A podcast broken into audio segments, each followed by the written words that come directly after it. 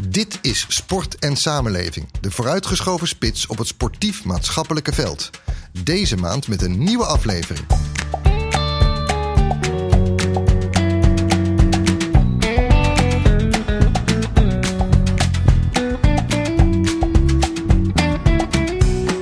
Welkom bij de Sport en Samenleving Podcast. Een maandelijkse podcast met uw host Leonard Boy, de gasten van de maand en andere deskundigen voor je maandelijkse dosis inspiratie en wijsheid over beleid en praktijk in de sport. In deze podcast bespreken we de ontwikkelingen en uitdagingen van het sportbeleid in de lokale praktijk. Iedereen die in deze wereld van sport en samenleving actief is, van bestuurder, ambtenaar, buurtsportcoach tot vakleerkracht of trainer, willen we met mooie gasten inspireren en wijzer maken. Maar we beginnen zoals altijd met de actualiteit. Onlangs presenteerde kenniscentrum Sport en Bewegen het vernieuwde en interactief gemaakte Human Capital model.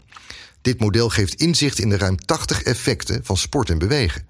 We spreken hierover met Femke van der Pal, junior specialist sociaal-economische waarden van het kenniscentrum Sport en Bewegen. Femke, allereerst welkom. Fijn dat je er bent. Goedemorgen. Hey, goedemorgen. Hi. Nou, jij kan ons misschien iets meer vertellen over dat Human Capital model. Wat is dat precies? Ja, klopt. Een Human Capital model, die, nou, je gaf net, net al aan, er zitten 80 verschillende effecten in. En het geeft eigenlijk een samenvatting van waar, ja, waar, um, waar kan sport en bewegen nou precies aan bij, bijdragen? En dat is dan verdeeld in zes verschillende waarden. Dus we hebben ja, bijvoorbeeld fysieke waarden. Dus nou ja, het is natuurlijk goed voor de gezondheid. Um, ja, zorg voor ver, vermindering van bepaalde ziektes. Um, daarnaast heb je emotionele waarden. Dus natuurlijk goed voor mentale, uh, mentale ja, toestand. Um, ja, vermindering van de stress bijvoorbeeld. Um, daarnaast heb je ook ja, intelligente waarden of ja, intellectuele waarden. Dus stimuleert ook je, ja, je hersenen en om beter te kunnen leren. Uh, maar ook sociale waarden natuurlijk. Je komt in contact met verschillende mensen. En persoonlijke waarden. Ja, het kan ook ja, um, bijdragen aan beter uh, doorzettingsvermogen bijvoorbeeld. Mooi eigenlijk. Dus jullie hebben dat sport en bewegen eigenlijk helemaal uitgerafeld. Gekeken van wat heeft het nou op wat effect. Op allerlei ja. domeinen van ons leven hebben jullie laten zien dat die effecten er zijn. Uh, groot en positief. Op 80 verschillende punten kom je dan uit met zes van die verschillende waarden. Um, dat model zelf, dat is niet nieuw, toch? Dat, dat bestond al wat langer. Ja, klopt. In 2013 is er een onderzoek gedaan door Richard Bailey. Het is internationaal onderzoek geweest, geïnitieerd vanuit Nike. En um, ja, in dat onderzoek hebben zij dus naar verschillende um, ja, verschil, naar die verschillende effecten gekeken. En kwamen zij uit op dat dit de verschillende waarden waren van, van sport en bewegen. Ja. Um, en hebben zij dus ook in, verdeeld in die verschillende, in die verschillende waarden. Um, en is dat dan nu wel voor het eerst dat jullie dat dan helemaal voor de Nederlandse situatie hebben uitgezocht? Ja, in 2015 is door Kenniscentrum Sport wel al een Nederlandse vertaling gemaakt. Ja. Maar ja, dat was nog steeds nou ja, het platte model. Dus je, kon, je wist gewoon die verschillende effecten. Maar verder um, ja, wist je nog niet echt meer de achtergrond. Of werd nog niet echt. Ja, was nog niet echt voor in de praktijk. Van wat kunnen ja. um, mensen in de praktijk er nou precies mee? Dus uh, we hebben op deze manier, door het interactief te maken, um, hebben we dus verschillende artikelen en producten aangehangen. En uh, door, ja, hebben we proberen praktischer te maken. Dus dat... Ja, dus dat is echt nieuw. Dus jullie hebben eigenlijk het theoretische model nu zoveel mogelijk vertaald naar praktische handelingen, naar hoe je het ja. toe kan passen. Ja, dus er staan uh, artikelen inderdaad in, er staan producten in. Er staan dan ook in van welke experts van kenniscentrum sport en beweging je ervan uh, ja, voor kan raadplegen als je meer informatie over dat bepaalde effect wil hebben. Oh ja. En we hebben opnieuw onderzoek laten doen. Dus nou, in 2013 is er dus gekeken van, uh, er is er ook gekeken naar een bepaalde bewijslast. Dus in hoeverre is zo'n effect nou echt bewezen ja. of niet? En dat kan van, nou ja, matig zijn. Dus er zijn wel aanwijzingen voor, maar er is nooit echt wetenschappelijk bewijs. Of er is um, ja, met bepaalde fysieke effecten is het gewoon heel duidelijk. Nou, sport en bewegen is gewoon, ja. maakt gewoon gezonder. Dus je kunt ook zeggen dat over die 80 effecten er sommige heel erg duidelijk aantoonbaar een groot effect sorteert. En een aantal andere zijn misschien nog wat minder goed onderzocht of eigenlijk nog niet aangetoond. Ja, klopt. En uh, we hebben dus uh, opnieuw onderzoek laten doen, dus het Leerinstituut en uh, Rabat Universiteit hebben er opnieuw naar gekeken. Dus die, die verschillende duidingen um, ja, van bewijslast is dus ook opnieuw aangegeven. Oké, dus dat hebben we nu veel beter in kaart dan een paar jaar geleden eigenlijk. Ja. Nou, dat zijn een heleboel nieuwe aspecten. Dus die toepasbaarheid is belangrijk om te noemen. Misschien ook wel goed om te weten. Stel dat ik het nou op wil zoeken, dat ik even wil kijken. Waar kan ik deze informatie vinden? Ja, je kan het vinden op uh, kenniscentrum sport en bewegen.nl slash HCM. Eh, dan kom je bij het uh, ja, Human Capital model of je kan daarop uh, okay. op zoeken natuurlijk. Ja. Dat is mooi, dus we kunnen het gewoon online allemaal raadplegen, luisteraars. Dat is niet onbelangrijk. Ja, en dat is natuurlijk wel interessant. Van wat hebben nou gemeentes, sportorganisaties en buurtsportcoaches hier aan? Want ik ben een buurtsportcoach, stel. Ik ga naar jullie website. Wat, wat kan ik daar nou vinden waarmee ik aan de slag kan? Ja, zij kunnen dus um, op die in eerste instantie dus samenvatting, ze zien de verschillende soorten uh, waarden. Dus ze zien van nou ja, waar kan sport en bewegen nou precies uh, aan bijdragen. Ja. En als ze van een bepaald effect, dus stel een buurtsportcoach wil um, iets voor de jeugd gaan doen, ze willen ja, kijken op welke manier ze ja, welke persoonlijke doelen ze met sport en wegen kunnen behalen bij de, bij de kinderen. Dan kunnen ze bij de persoonlijke waarden bijvoorbeeld kijken. En kunnen ze daar kijken van, nou ja, dit uh, kan ze bijvoorbeeld kijken op zijn manier, of ze meer um, een doel doelstrevender Oké, ik snap het. Dus dat vind, dat vind ik wel mooi. Dus ik kan bijvoorbeeld zeggen, nou, ik wil met een bepaalde groep kinderen ze bijvoorbeeld meer in beweging krijgen, vooral op fysiek domein. Maar ik zou ze misschien ook juist wel willen helpen om wat eh, ja, met hun intelligentie en bewegen samen te doen. Ja. Dan kan ik op die waarden kijken, wat daar vervolgens aan acties aan verbonden zijn die ik zou kunnen toepassen. Ja, er staan dan inderdaad uh, bepaalde artikelen in die uh, wat meer voorbeelden geven daarvan. Okay. Of die wat meer uitleg geven. Een bepaald product die je daarvan En gaat het dan zover dat ik daar bij wijze van spreken ook oefeningen vandaan kan halen? Wat ik kan doen om met die kinderen te gaan trainen? Um, in sommige artikelen staat dat wel beschreven. En ja. ik moet zeggen, dan bij sommige effecten hebben we meer geschreven over dan andere effecten. Dus ja. dat, verschilt wel, uh, dat verschilt wel, inderdaad. Mooi. Nou ja, en dat kan dus ook betekenen dat bijvoorbeeld beleidsmakers hier naar kunnen kijken om te zeggen van nou, wij willen die waarden eigenlijk wel toepassen op onze gemeentelijke sport- en bewegenpraktijk. Wij vinden die waarden zo belangrijk, die ook door jullie aangetoonde effecten laten zien. Ja. Die zetten we in onze beleid beleidsplannen. Ja, klopt. Daar is het ook zeker vooral, uh, vooral voor beleidsmakers inderdaad heel waardevol. Ja. Um, ook uh, ja, met richting uh, de gemeenteraadsverkiezingen natuurlijk is dat wel. Um, ja, kunnen zij daarin voor, ook voor de nieuwe formatie kijken van nou ja, sport en bewegen is dus echt wel heel belangrijk om daar dan op in te zetten. En daar die argumenten ook vandaan halen om in een beleidsstuk ja, toe te passen. En ook om bepaalde keuzes te maken van, om dan juist wel voor sport te kiezen. Ja. We praten zo verder over het sportpark Galenkop... en over hoe de vier samenwerkende verenigingen daar... met behulp van een sportparkmanager hun maatschappelijke rol oppakken. Femke, wat denk jij? Zouden zij wat aan het Human Capital model hebben? Ja, zeker. Um, naast de waarden staan ook bij van nou, wat is de faciliterende omgeving? Dus wat is er nodig om die waarden of die effecten ook daadwerkelijk over te brengen? Uh, daarbij kunnen ze dus, uh, ja, staat er dus bijgeschreven dat het belangrijk is om een veilige uh, omgeving te hebben. Dus een veilige fysieke omgeving, maar ook zeker een veilige sociale omgeving. Dus dat, um, dat er voldoende uh, begeleiding is. Dus dat er echt professionele begeleiding is. Maar dat er um, daarbij ook um, ja, een gevoel van zelfstandigheid moet zijn bij de deelnemers. En dat er ook afstemming is op de wensen en behoeften bij de deelnemers. Dus daarbij kunnen ze dat ook zeker uh, gebruiken. Ja, dat klinkt heel goed. Dus dat, dat, kunnen ze ook op die website van jullie vinden. Dat je dus niet alleen maar naar die waarden kijkt, maar juist ook naar zeg maar, de, de condities waaronder je op een goede manier tot die waarden en de uitvoering daarvan komt. Ja, want dat is ook zeker wel een voorwaarde om tot die verschillende waarden uh, en effecten te komen. Dat zeker, ja. Ik denk dat het goed is voor onze luisteraars dat je die website nog een keer noemt. Ja, je kan dan naar kenniscentrum sport en bewegen gaan, slash HCM. Uh, uh, of zoek op het Human Capital model. En als je op de verschillende waarden klikt, dus dan kom je de verschillende artikelen tegen. Maar je kan dan ook de interventies uh, vinden die, uh, die daarbij horen. Dus op die manier kunnen Aha, ze. Luisteraars, dat is interessant. Dus je kunt er eigenlijk ook meteen mee aan de slag. Ja, zeker. Dus ja. inderdaad, gemeentes kunnen ook kijken welke interventies ze kunnen inzetten. Um, om bepaalde effecten te bereiken als ze ook naar maatschappelijke doelen kijken, bijvoorbeeld. Nou, klinkt heel erg goed. Femke, ik wil je heel erg danken voor het delen van deze actuele ontwikkeling. En ook eh, de informatie die eh, bij jullie op de website is te vinden. Dank je wel en ik wens je een fijne dag. Ja, dank je wel. Dan is het nu tijd voor het gesprek met onze hoofdgasten. Welkom aan Jimpte Poelman. Jij bent in mei 2018 gestart als een sportparkmanager van de coöperatie Sportpark Galekop.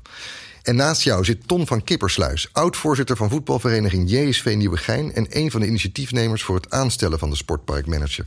Nou, allereerst welkom. Fijn dat jullie er zijn. Dank je. Dank je wel. Allereerst misschien eventjes horen hoe het met jullie eh, gaat in deze coronatijd. Dat vragen we toch allemaal uh, elke keer aan onze gasten, want het zijn toch uh, geen normale tijden. Werk je inmiddels uh, vanuit huis of moet je toch op het sportpark zijn, Jimt?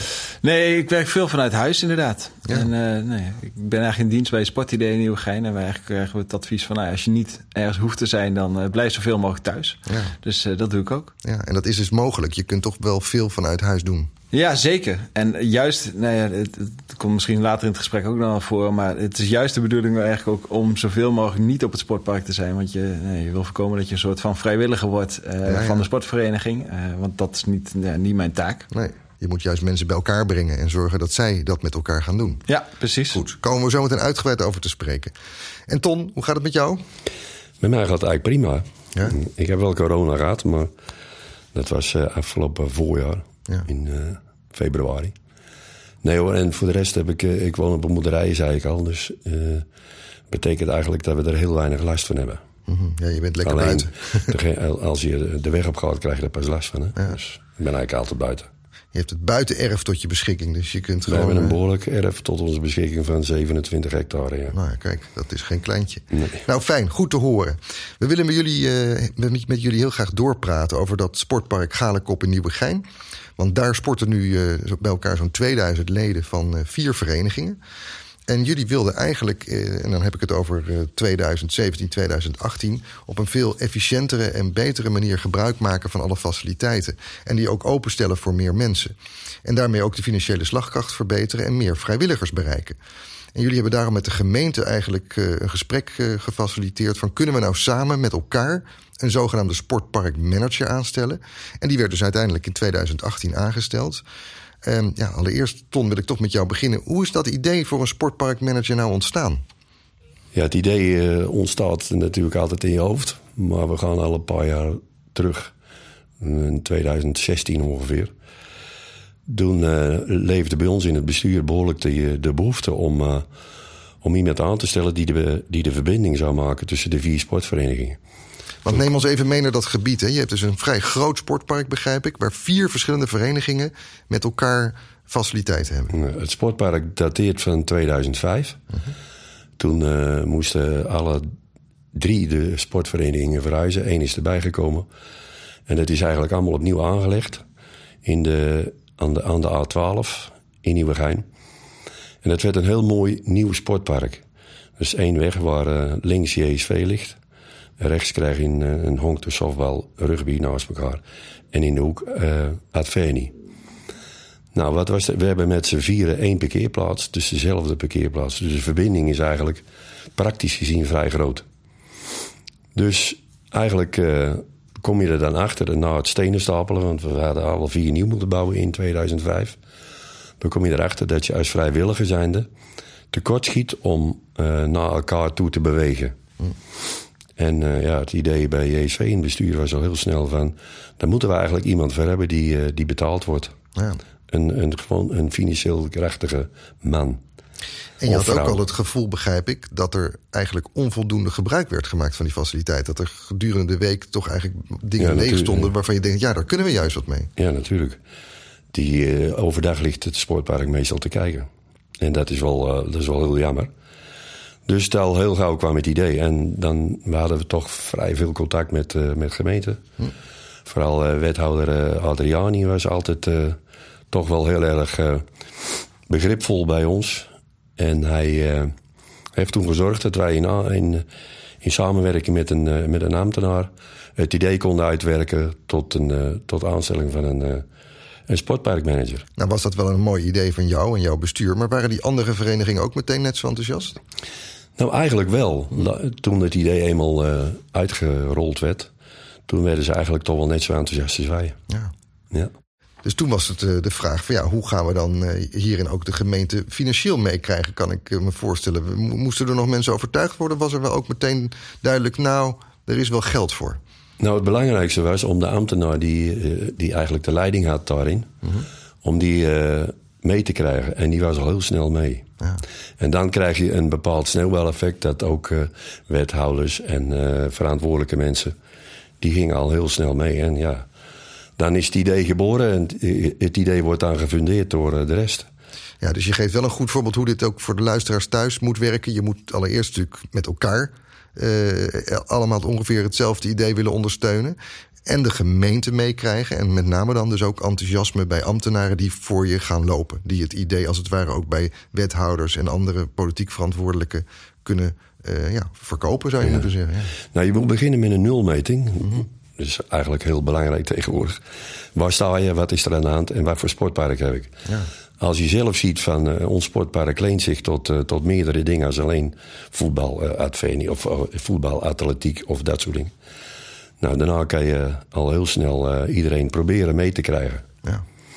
En uh, risicobeheer is natuurlijk heel belangrijk. Wat kan het uh, kosten of, of niet? Ja, dus het heel scherp in kaart brengen Juist. van de situatie zoals die het op dat moment is. En goed kijken van wat zijn mogelijke risico's als we hier aan beginnen. Ja, dat zijn de twee belangrijkste dingen. Ja, nou ja. helder. Dan ga ik even naar Jimte, want jij bent eigenlijk de nulmeting. Hè? Want jij kwam aan in 2018 en toen moest je aan de bak als sportparkmanager. Um, ja, wat, wat levert het eigenlijk de verenigingen op? Kun jij er iets over vertellen? Nou ja, we zijn natuurlijk in 2018 begonnen. En uh, nou ja, toen begonnen we inderdaad op nul. En uh, nou ja, vandaag, ik moest wel tijdens mijn sollicitatieperiode moest ik al een, twee casus voorbereiden. En die moest ik dus presenteren. Nou, niet alleen aan het bestuur, maar er waren heel veel vrijwilligers en, en leden van verenigingen die er ook bij waren wanneer ik dat moest presenteren. Ja. Uh, nou ja, wij liggen praktisch naast een heel groot bedrijventerrein, Papendorp in Utrecht. Het ligt aan de andere kant van de uh, snelweg. En wij dachten, en toen dacht ik al van, nou ja, daar zitten heel veel bedrijven zoals bijvoorbeeld Bol.com, VVA, BDO. Uh, nou ja, als we daar nou een verbinding mee kunnen maken. medische organisaties uh, zijn daar gevestigd. Ja, ook interessant.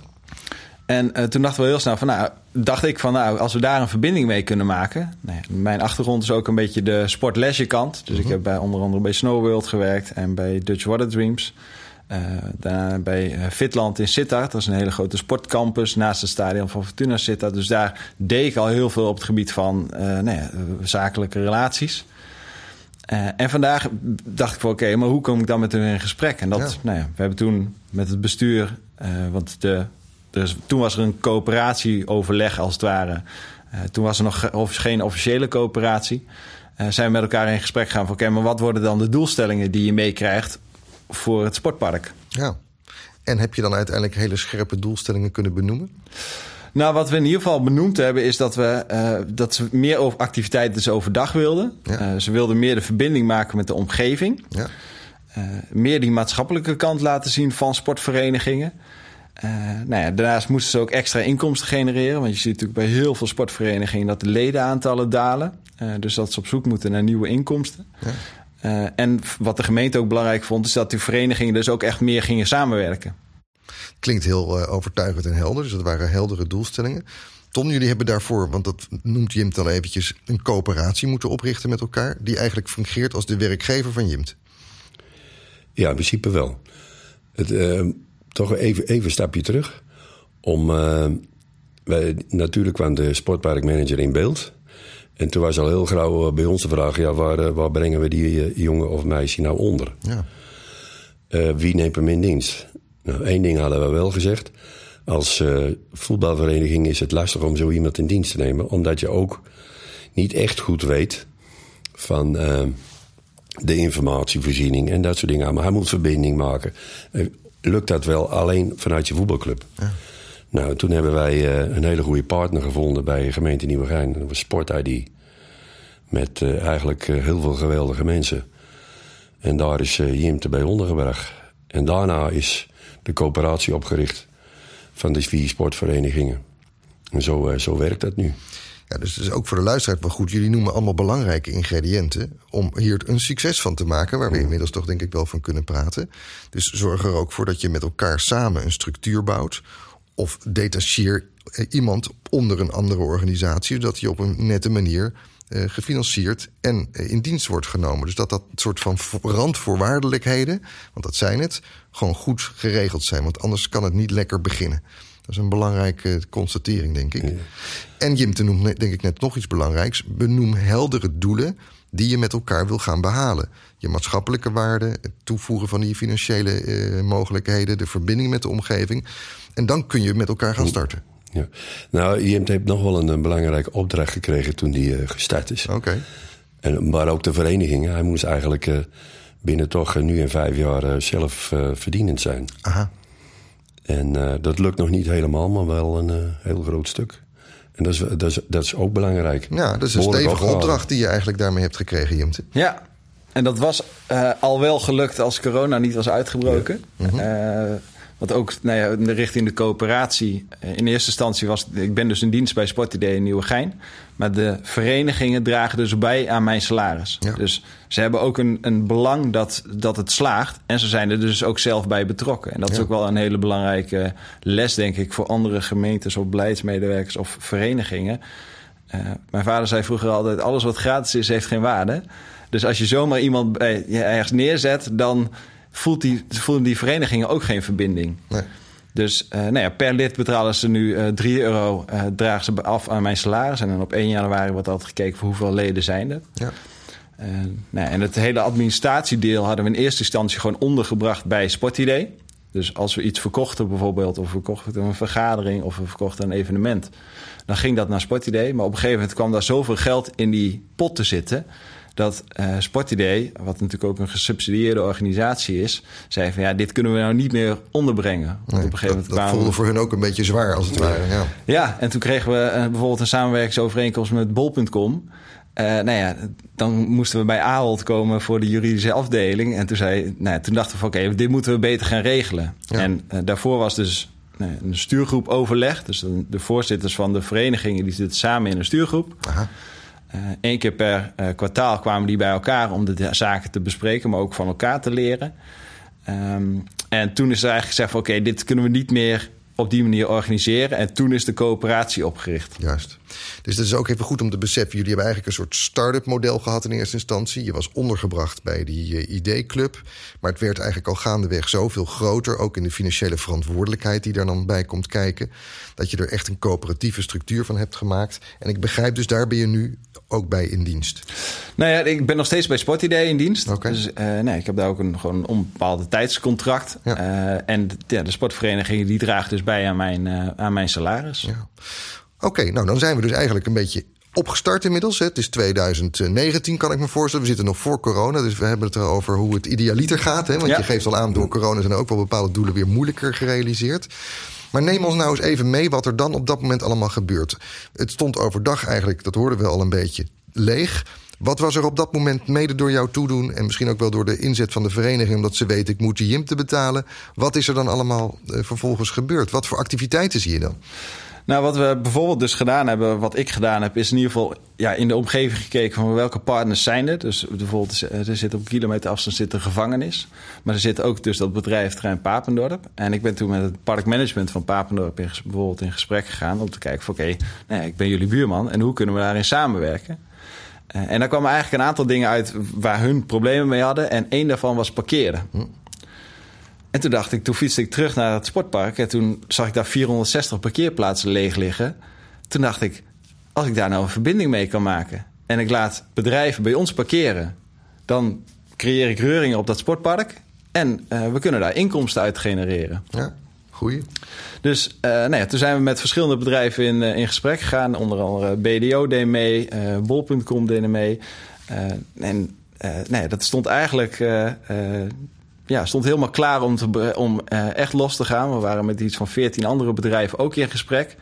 Uh, en toen brak het toen corona uit. Ja, dus toen ging iedereen thuis werken. Werkte iedereen in één keer thuis. En om je een beeld te geven, Bol.com heeft een pand van 2000 mensen. Wow.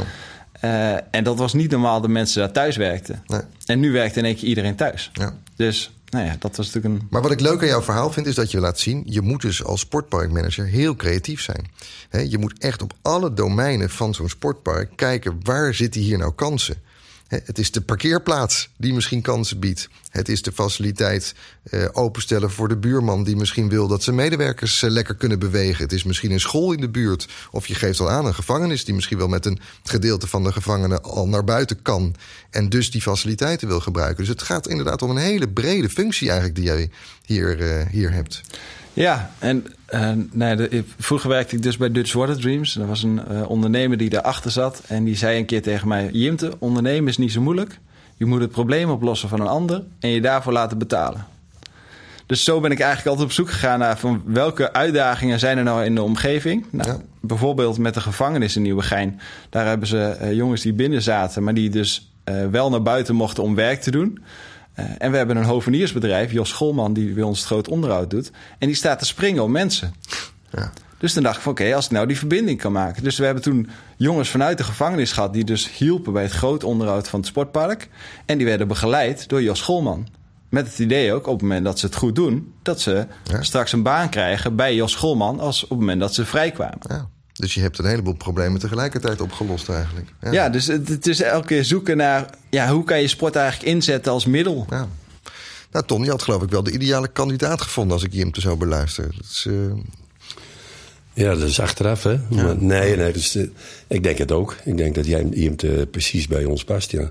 Hij, uh, hij lag de verbinding tussen geld verdienen en daarna in de, het, het, verdiende geld inzetten om je maatschappelijke functie beter uit te bouwen. Ja.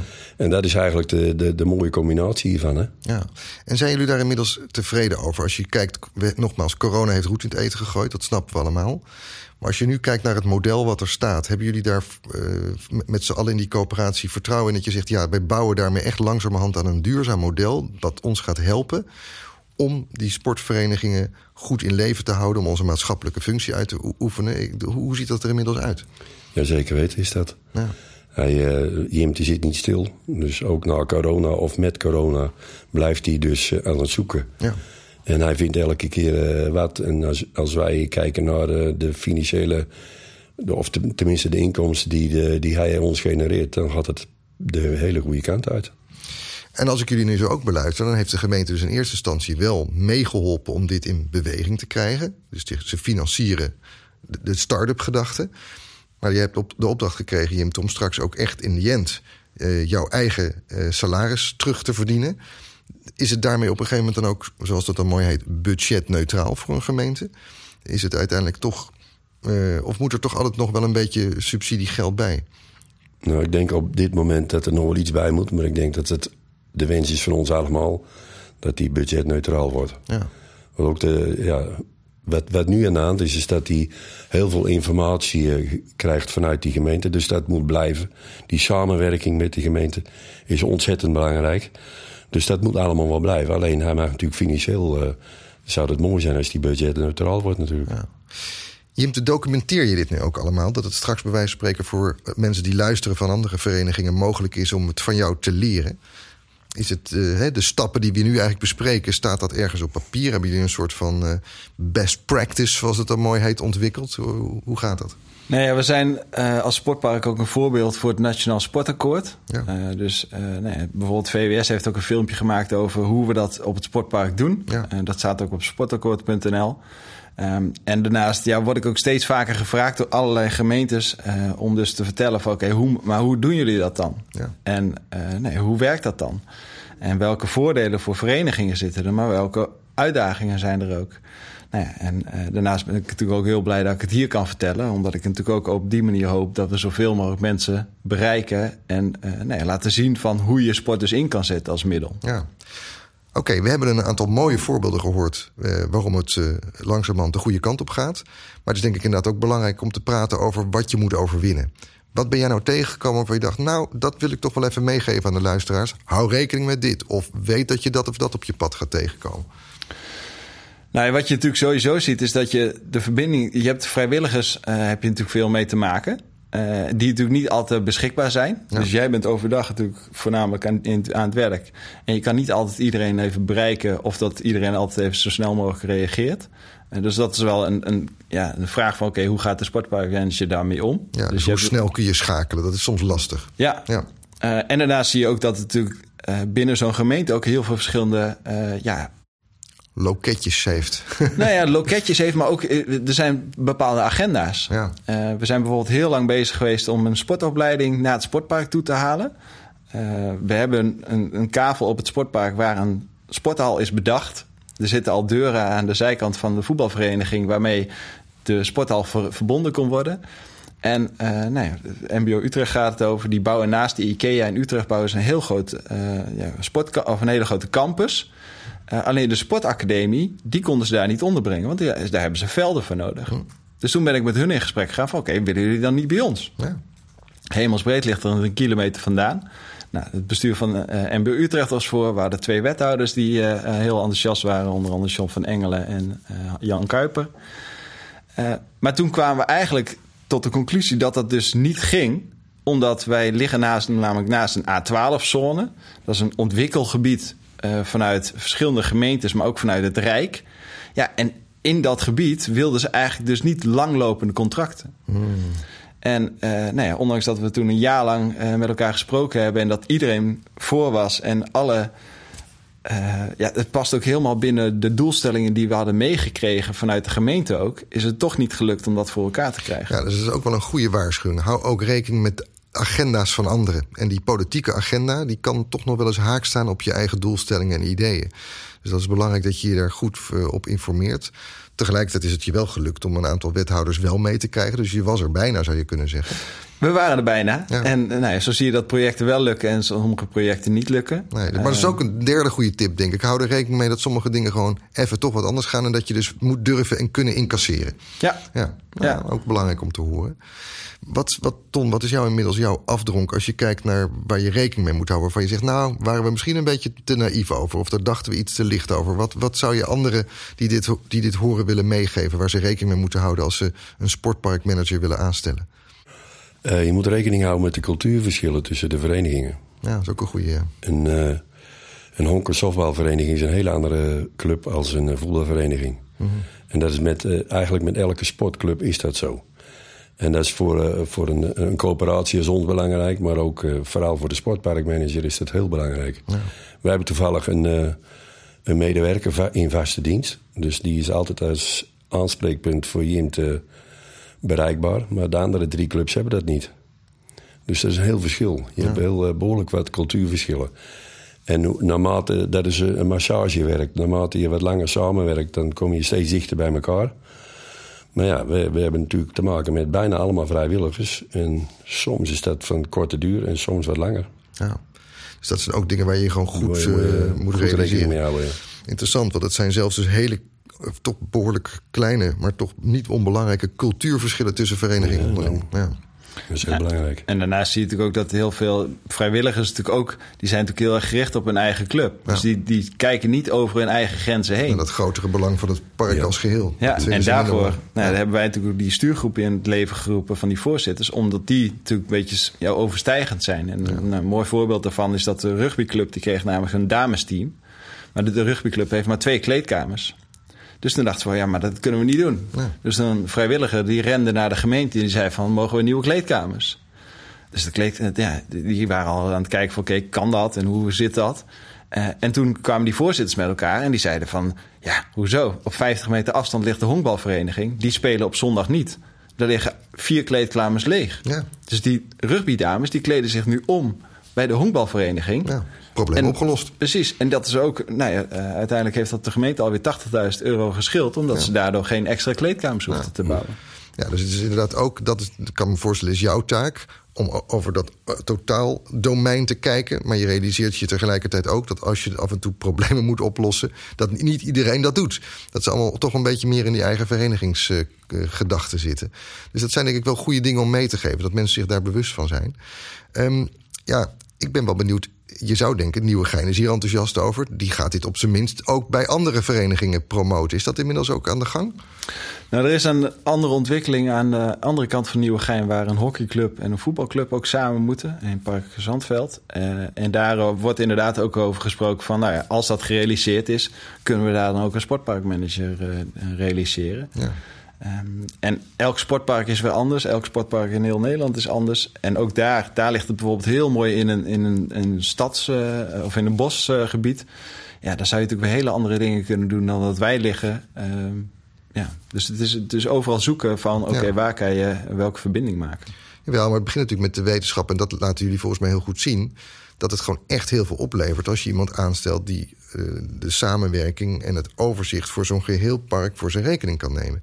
En dat daardoor op een creatieve en slimme manier allerlei verbindingen mogelijk zijn. Dus ik ben wel benieuwd, vindt dit nou al veel navolging? Krijgen jullie nou van andere verenigingen uit de rest van het land vragen van... joh, vertel ons hoe jullie dit doen? Of wij zijn hier ook mee bezig? Of zie je dat nu gebeuren? Nou, je ziet natuurlijk dat steeds meer sportverenigingen in de problemen komen... omdat ze minder vrijwilligers krijgen, minder leden, et cetera. Uh, nou ja, waar mijn generatie nog... Uh, ik ben dan 37, eh, maar waar, waar mijn generatie stopte bij een sportvereniging als we gingen studeren... zie je dat mensen nu al vanaf hun veertiende eigenlijk uitstromen bij sportverenigingen. Ja, het gaat steeds vroeger. Ja, steeds vroeger. En, en uh, dus die problemen zijn landelijk. Ja. Dus het is ook denk aan die sportverenigingen. En ik ben daar niet pessimistisch over. Want ik denk, nou ja, sportverenigingen, sommige bestaan al 100 jaar. En hebben oorlogen overleefd. Dus die zullen dit ook wel. Maar ze zullen wel moeten innoveren en vernieuwen. Ja. En eigenlijk is dan jouw boodschap: zoek elkaar nou op. Ga die samenwerking aan. En dan is de rol van een sportparkmanager daarbij best wel cruciaal. Ja, nou ja, en ook de buurtsportcoaches. Ja. En dat is ook wat Ton net eigenlijk al aangaf. Ja, want daar wil ik ook even naartoe. Over de buurt hebben we nog niet zoveel gehad. Want het bedrijventerrein heb je genoemd. Eh, en de, en de mogelijkheden die hier met de gemeente zijn onderzocht. De, de, de ideeën die je hebt over hoe je samenwerkt op het terrein zelf. Maar inderdaad, de buurt en het onderwijs eh, en, en buurtsportcoaches, eh, kun je die op een bepaalde manier ook betrekken? Doe je dat? Nou, het mooie is dus dat ik ook bij, bij Sportidee in dienst zit. En ik ben dus ook onderdeel van dat team van de buurtsportcoaches. Dus elke maandag, uh, nou ja, we hebben een overleg met elkaar. Uh, en nou ja, mijn, mijn, manager Kees van Roodselaar, die stimuleert dat ook heel erg, dat we allemaal kennis met elkaar delen. Ja. Nou, in de wijk Galenkop heeft ook een eigen buurtsportcoach, Esther Jansen. Uh, en ik schakel dus heel veel met Esther op het gebied van het sociaal domein. Ja. Dus uh, met scholen bijvoorbeeld, maar ook met... Uh, nou ja, we hebben bijvoorbeeld het Galik op zomerabonnement hebben georganiseerd... samen met Esther, waarbij dus kinderen tijdens die zomer... elke week een andere sport konden gaan doen. Ja. En juist die verbinding, dat maakt het natuurlijk ook zoveel makkelijker... om dingen te organiseren op een sportpark. Omdat je gebruik maakt van bestaande netwerken. En die jonge kinderen komen er dus al. Dus ze leren ook zo'n sportpark kennen. Ja, en heeft dat dan nou ook weer effecten op de verenigingen? Zie je daar bijvoorbeeld uh, jonge leden toenemen? Oh, dat kinderen, omdat ze er toch kennis mee maken in de, in de zomer, denken: Goh, dit is wat voor mij? Wij denken van wel. Ja. Omdat wij, uh, bij ons uh, ledenaantal loopt eigenlijk nagenoeg niet terug. Blijft een beetje hetzelfde. Maar bij, we hebben heel veel jonge aanwas. Kabouters is heel erg booming bij, bij. Ja. Dus dat betekent eigenlijk best wel dat de, de jeugd uh, goed bereikt wordt door uh, buurtsportcoaches. Ja, mooi. Erg dus, belangrijke schakel hoor, binnen het geheel. Omdat je toch eigenlijk al op een beetje verleidelijke manier de buurt binnenhaalt. Ja. Omdat je de logische worden, lijntjes. Je wordt ermee geconfronteerd met, met alles wat er in, het, in de buurt leeft. Ja. Mooi. Nou ja, als ik jullie zo beluister, dan zitten er voor een heel groot gedeelte vooral voordelen aan deze samenwerking en het aanstellen van een, uh, van een, uh, manager van zo'n sportpark. Jim, die hebt denk ik uitgelegd op een goede manier hoe je ook op, op een hele creatieve manier om je heen moet kijken. Om iedereen te mobiliseren. Om toch ook soms wat wegvallende inkomsten daarmee te compenseren. Als we dan naar de nabije toekomst kijken. Uh, we hopen dat corona straks echt voorbij is. Maar goed, je zult het ermee moeten doen. Maar waar wil je dan over twee jaar staan? Wat is dan je, wat is dan je ideaalbeeld? Nou, het leuke is dat ik dat dus ook niet alleen maar zelf hoef te verzinnen. We zijn nu bezig met de Rouwbank, met een verenigingsondersteuningstraject. Die ons dus helpen vanuit die coöperatie om dus naar de toekomst te kijken. Uh, dus we zitten daar ook middenin, hoe we dat, uh, hoe we dat willen gaan doen. Um, maar ik denk wel dat er uh, nee, en dat wordt door de vereniging ook wel gezien van... oké, misschien kunnen we wel een soort van comedy-abonnement nemen. Weet je, kinderen die uitvallen bij, omdat ze niet, het voetballen toch niet meer leuk vinden... begeleid die naar de rugby of begeleid die naar de atletiek... of begeleid die naar de dat honkbal. Dat ze niet helemaal verdwijnen. Precies. Ja, En, de, en daarin valt nog heel veel te winnen, denk ik... voor die verenigingen aan zich. Um, en uh, nee, dat, dat, dat is het mooie van die coöperatie. Want uiteindelijk moeten die voorzitters dat natuurlijk ja, uitdragen binnen hun verenigingen. Ja, dat klinkt ook heel goed. Om op die manier ook kinderen vast te houden en andere sporten aan te bieden. Dat is ook eigenlijk een heel logisch idee. Ja, dan, uh, dat, dat is iets wat jij in de toekomst nog meer zou willen doen, begrijp ik, als ik, als ik je dat zo vraag. Ja, ik, denk, ik denk dat daar nog heel veel winst uh, te behalen valt. En eventjes vanuit bestuurlijke blik. Je bent nu geen voorzitter meer van, uh, van de club. Maar toch, als je nou eventjes naar een nabije toekomst kijkt... Wat, wat zou je ideale situatie zijn over twee jaar? Waar staan we dan? Uh, ja, ik denk dat hij hem te wel gelijk hebt. Uh, dus het, het, het, het. Maar het, het, geeft, geeft wel aan dat die clubs anders moeten gaan denken. Ja. En we zullen echt moeten vernieuwen. Anders de, de oude voetbalclub gaat dood. Echt, dat is echt zo. Je ziet het ook om je heen dat kleine clubs die, eh, die verdwijnen allemaal. Als de oudere vrijwilligers eh, van het park verdwijnen, dan verdwijnt de club ook. Dus we zullen echt uh, multifunctioneel moeten worden. We moeten echt multifunctioneel worden.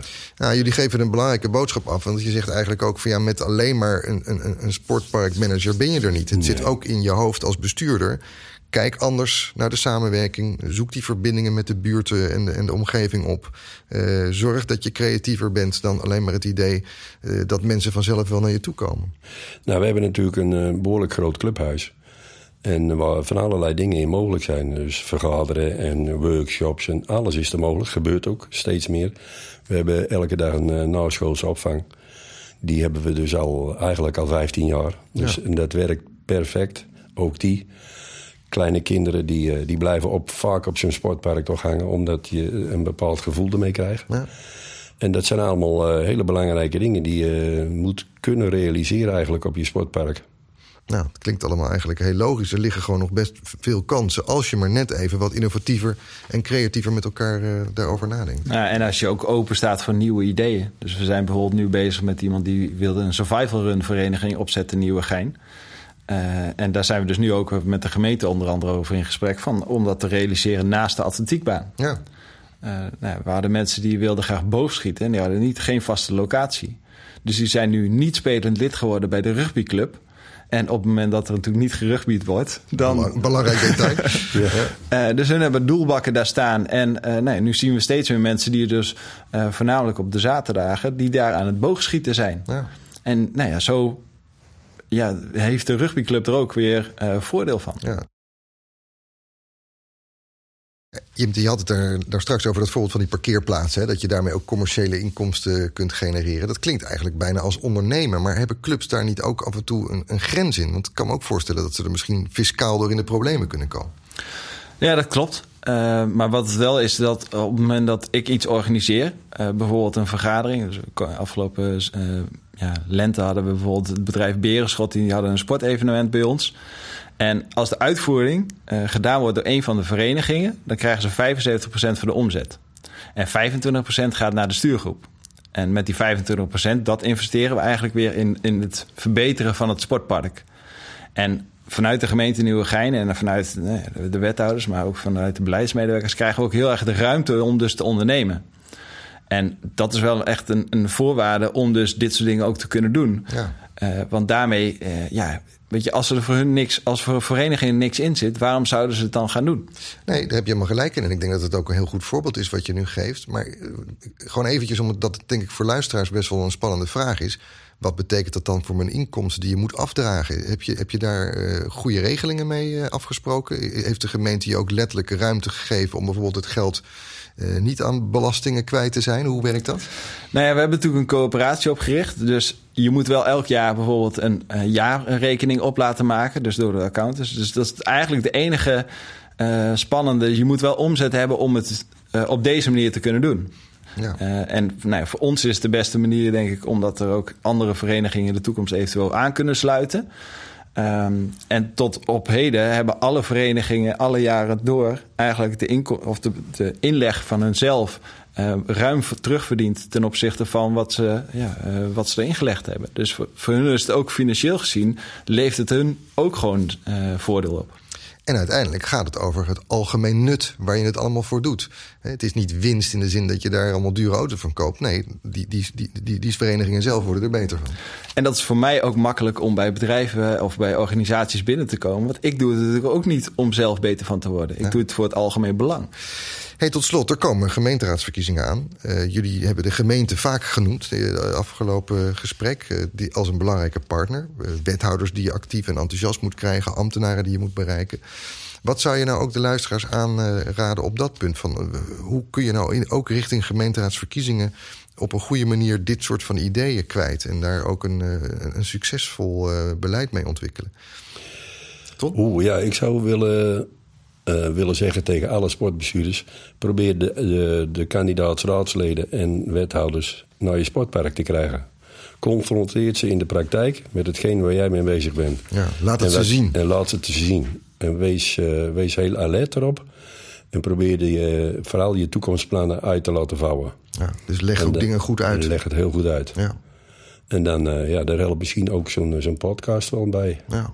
Maar je kon je vooral zeggen, ga niet afwachten. Haal ze naar je nee, toe. nee, nee, je moet zelf, eh, je moet zelf echt eh, het voortouw nemen. Ja, oké. Nou, een belangrijke tip lijkt mij.